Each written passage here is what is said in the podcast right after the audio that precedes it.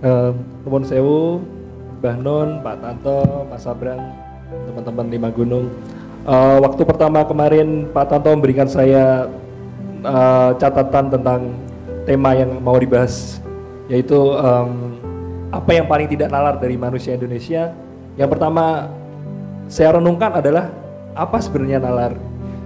Uh, dan malam ini saya terus menerus dialektika tadi sejak Nun tadi bilang bahwa nalar adalah proses tadi ada akal dan segala macam klarifikasi tadi. Sampai uh, Mas Abrang tadi juga bilang tentang bahwa manusia apa yang perbedaannya adalah dari adanya bahasa dan juga hingga memproses banyak memori. Yang itu ternyata memori tidak hanya proses otak gitu ternyata adalah proses batin dan segala macam. Uh, saya jadi sebelum itu itu selalu sejak tadi berdialektika terus tanya-tanya terus bagaimana sebenarnya? Apakah Indonesia ini masih benalar atau tidak? Apakah statement yang dinyatakan yang paling tidak nalar di Indonesia, masyarakat Indonesia itu benar adanya gitu.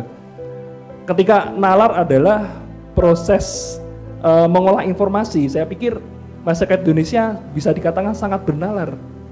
Misalkan kita lihat itu di media sosial itu orang itu dengan mudah men mencari informasi dan menyampaikan informasi itu bisa beragam perspektif untuk menyalahkan yang satu, membela yang satu. Itu kan konflik informasi, konflik data gitu orang-orang bisa mencari informasi sangat cepat sekarang ini dan itu juga pengolahan bahasa. Jadi ada informasi, ada bahasa, ada proses otak. Berarti satu sisi itu adalah nalar gitu. Tapi pertanyaan saya apakah cukup itu dikatakan sebagai nalar? Ternyata malam ini banyak sekali penjelasan yang uh, dari proses yang itu sistemik mekanistik yang ada di dalam tubuh kita hingga sampai menyentuh di wilayah kosmologis, sampai ke metafisis. Ternyata perjalanan menalar begitu jauh gitu. Saya melanjutkan lagi. Jadi hari ini yang ingin saya sampaikan adalah perenungan saya selama berapa jam ini merenung dan melihat apa yang tadi dibawa oleh teman-teman lima gunung tadi ada Pak Sitras Anjilin misalkan. Di rumah Pak Sitras itu ditutup ngisor ada makamnya Romo Yoso Sudarmo yang itu dimakamkan tidak barat ke timur membujurnya tapi utara selatan gitu. Eh, saya dapat penjelasan bahwa ternyata pada waktu itu ada pandemi juga seperti ini. Mungkin saya tidak tahu pandemi semacam apa, tapi dikatakan bahwa ada wabah dan akhirnya ada satu uh, yaitu Romo Yoso yang bersedia untuk makamnya membujur utara selatan biar pandemi itu berakhir. Apakah itu bisa dinalarkan? Satu. Yang kedua adalah ketika kemarin Festival Lima Gunung kita berangkat ke Kerandegan di Sumbing gitu. Di situ kita melakukan ritual untuk berkunjung ke makam-makam danyang di sana, satunya ada yang di Bodrono, terus juga ke Ledek Buntung. Nah, itu menarik juga. Selam, ketika di situ ada namanya Ledek Buntung itu tiap tahun diperingati, Pak. Jadi mereka memperingati tiap saparan itu, saparan juga bentar lagi, itu mementaskan lengger selama 24 jam. Memperingati hanya cerita tentang Ledek dari Yogyakarta yang meninggal di sana. Dan kebetulan Ledek itu buntung. Permasalahannya ketika kita bicara nalar adalah mengolah informasi, apalagi ketika tadi disampaikan juga tentang sains dan paradigma modern, bahwa modern itu melihat positivistik, uh, pragmatis, empiris semua harus bisa dibuktikan gitu. Terus apa gitu? Apa penalaran dari hal-hal semacam ini? Terus lagi banyak kejadian-kejadian yang itu uh, kadang-kadang kalau kita bicara nalar yang itu adalah hegemonistik di sini kita berpikir nalar adalah berpikir pragmatis, rasional gitu kadang-kadang aneh misalnya kita lihat ke Sungkem Telompak ada di tadi ada Pariadi di sini di Gejayan tuh di Merbabu ada sebuah mata air yang itu disucikan namanya Telompak gitu. Jadi uh, di situ tiap setahun sekali setelah Lebaran berapa hari itu ada pementasan tarian di sana. Terus itu sangat disakralkan bahkan air di sana itu dianggap bisa mengobati dan tidak pernah digunakan untuk kebutuhan sehari-hari gitu. Itu kan banyak hal yang itu uh, saya juga semakin penasaran untuk bagaimana nanti Mas Abrang dengan tadi banyak penjelasannya itu bisa menjelaskan bagaimana sih proses penalar itu. Uh, padahal aku saya pikir di Indonesia kita jarang berbicara so soal itu dan itu bahkan percakapannya sangat minor gitu. Saya sebagai perwakilan kaum milenial mungkin ya. Uh, semacam ini misalnya ketika kita lihat kemarin sudah wiwitan itu kan. Sudah wiwitan dilarang membangun makam dengan alasan-alasan yang itu sangat tidak mitologis, sangat tidak uh, tidak uh, saya pikir itu mereka juga pakai nalar, mereka pakai reasoning, mereka pakai alasan-alasan seperti tidak mematuhi IMB aturan bangunan atau dianggap nanti akan membuat uh, musrik segala macam. Itu kan ada penalarannya sebenarnya. Jadi di sini ada konflik nalar juga. Terus bagaimana menalar itu? Apa jangan-jangan kita sedang benalar tapi tidak bertuhan gitu?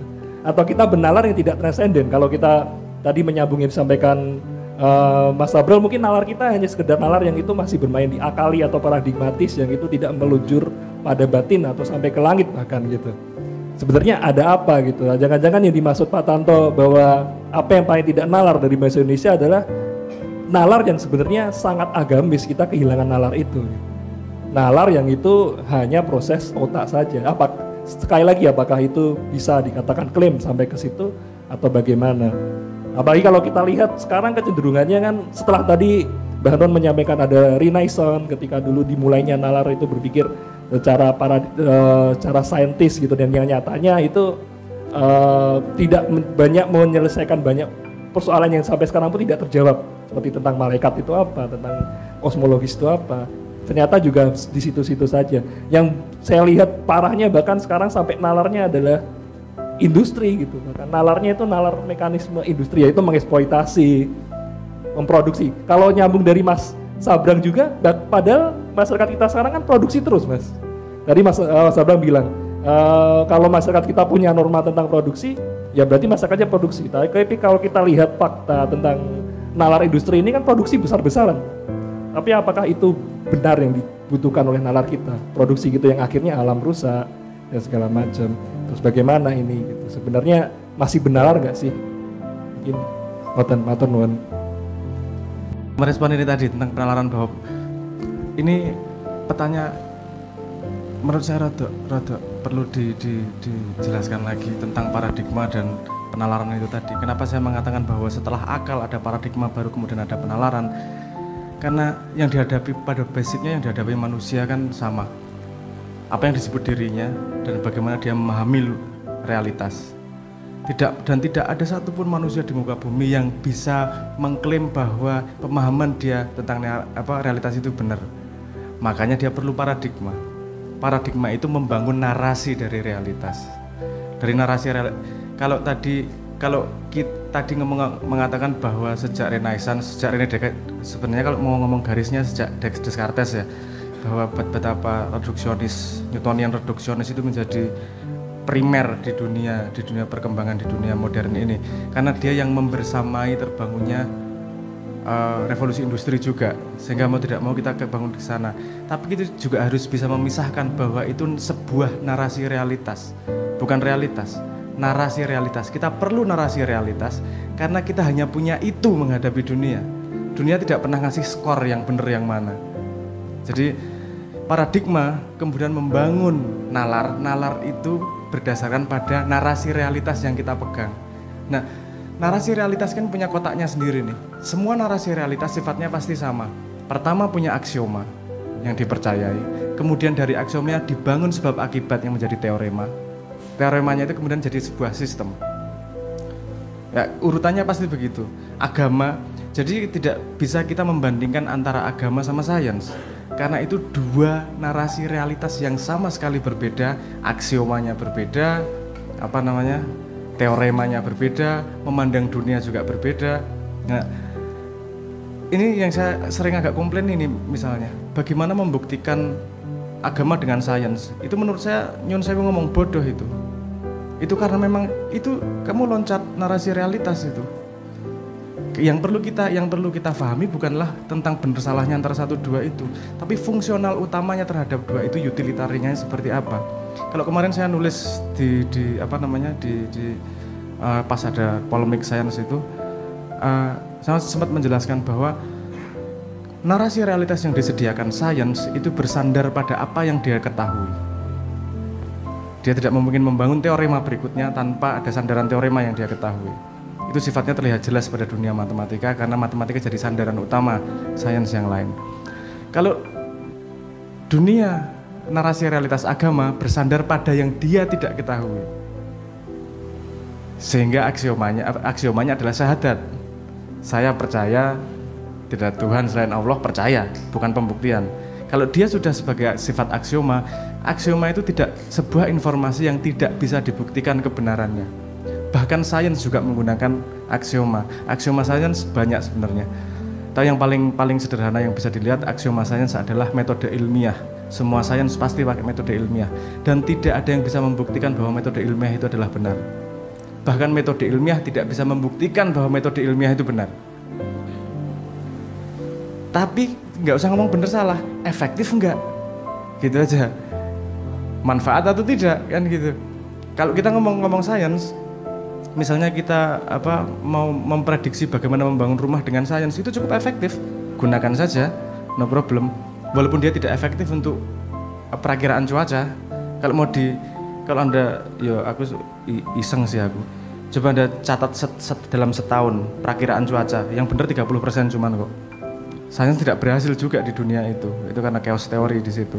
Tapi agama menyediakan bukan menyediakan pada prediktif itu Agama menyediakan jauh lebih panjang. Salah satunya contoh paling sederhananya adalah sains tidak punya teorema apa pun terhadap dunia setelah kematian. Padahal agama pada realitas narasi narasi realitasnya sangat ngomong bersandar kepada dunia setelah kematian. Nah, menurut saya nggak perlu diperbandingkan, efektif aja dan dan efektif mana yang paling bisa digunakan dan memang aksioma agama adalah percaya bukan proof yang dia perlu buktikan adalah koherensi di dalam sistem itu, bukan korespondensi terhadap sesuatu yang di luarnya. Sains sendiri tidak berani pakai korespondensi. Sains sekarang pakai koherensi. Dia pakai korespondensi nggak mau. Bahkan dia nggak berani ngomong saya menjelaskan real world, nggak berani. Sains, sains hanya menjelaskan saya berani menjelaskan dunia yang bisa saya amati. Ya, jadi kalau orang Indonesia menalar, menurut saya semua orang Indonesia punya nalarnya. Cuman narasi realitasnya kisruh. Narasi realitasnya itu tidak ngambil satu aksioma, eh tidak mengambil satu sistem, tidak ngambil satu sistem, semua sistem diambil dan tidak tahu limitnya, dicampur dan siji, jadi panganannya racetho. Iki jane kan ndelok saka ngendi to posisine? Arep ndelok saka sains apa arep ndelok saka agama? Kuwi urusan utilitariannya, debat kebenarannya atau debat fungsionalnya, utilitariannya atau di mana? Nah, menurut saya ketidaknalaran Indonesia adalah meta tidak nalar. Artinya meta tidak nalar. Dia tidak memahami apa itu nalar sendiri untuk bisa mendefinisikan nalar. Nah, ngomongin begini, gue meng di takon nalar apa ya meng waton melaku kok. Si, tadi tuh bangun rumah berdasarkan apa kayu yang kintir di sungai aja. Ono kayu kintir tak dadek ke omah, dadek ke omah. Dadi omahnya cara karuan. Atape coro Eropa, fondasine coro Jawa, temboke coro Islam, bahwa kemudian rumahnya ora cocok ya jadi ambiar ya make sense gitu. Ini ada yang kita proyeksikan ke Pak Muzamil. Jadi paradigma sains dengan paradigma agama itu dua hal yang boleh dikatakan bertentangan. Yang satu dasarnya adalah setahu saya, satunya lagi adalah yang saya tidak tahu yang Allah kasih tahu. Nah, sekarang Pak Muzamil, tafsir Quran itu masuk sains apa agama? Sains. Sains kan? Ya, sains. Nah, tetapi kan selama ini tafsir Quran dianggap oleh penafsirnya sendiri pun oleh kebanyakan ulama sebagai bagian dari agama. Lalu dia bagian dari sains yang paradigmanya berbeda. Dan kalau ngomong paradigma atau nador, nalar itu nador itu yang disebut untuk bisa untuk bisa melihat dengan untuk bisa nador, untuk bisa nalar itu kan tergantung kacamatanya, paradigmanya itu. Nah, jadi sekarang kembali ke istilah Sabrang yang dulu jarak pandang, jarak pandang, sudut pandang, sisi pandang dan seterusnya. Nah, nah Renaissance adalah satu revolusi berpikir dengan jarak pandang tertentu dan sudut atau sisi pandang tertentu. Jadi kalau yang saya tahu Renaissance itu adalah revolusi kecerdasan akal manusia di bidang materialisme. Jadi maka hasilnya adalah manusia dengan peradaban yang mereka sangat cerdas untuk hal-hal yang sifatnya material. Jadi kon golek duit cerdas banget, kon berbuat buruk cerdas banget, kon nyolong pinter banget, tapi begitu berbuat baik, berbuat agak benar, berbuat agak agak apa ya inherent, koheren, menjaga koherensi antar manusia itu kita bodoh luar biasa. Jadi orang sekarang itu pinter-pinter asal untuk jahat dan untuk rakus pak. Gampangannya gitulah kalau bahasa saya. Angger nggo rakus pinter banget. Neng nek nggo hemat karo tinggu tinggu waspodo bodoh banget gitu. Jadi makanya ketidakwaspadaan sangat tinggi sekarang. Jadi saya coba elaborasi di antara di antara dua pembicara tadi. Jadi menurut saya intinya sekarang kita ini belajar untuk menentukan nador kita.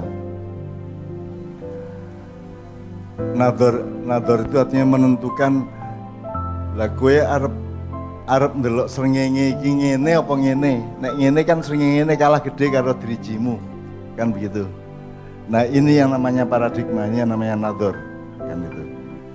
Nah, jadi teman sekalian mudah-mudahan ini semua akan membuat kita menjadi lebih seimbang, lebih akurat, lebih tepat, lebih sirotol mustaqim. Pak Mustafa tadi memiliki doa kita sehari aja istina sirotol mustaqim bukan iklamil ilmi atau jadi bukan ya Allah berilah aku ilmu, berilah aku pengetahuan enggak, tapi tunjukilah, hidayahilah aku jalan yang lurus. Nah jalan yang lurus itu milih bojo tepat, mangan jambiro tepat, mangan nopo tepat, menunggu sirotol mustaqim. Jadi kue keputusanmu setiap hari itu tepat, akurat untuk untuk kemaslahatan dan keseimbangan hidupmu kan begitu.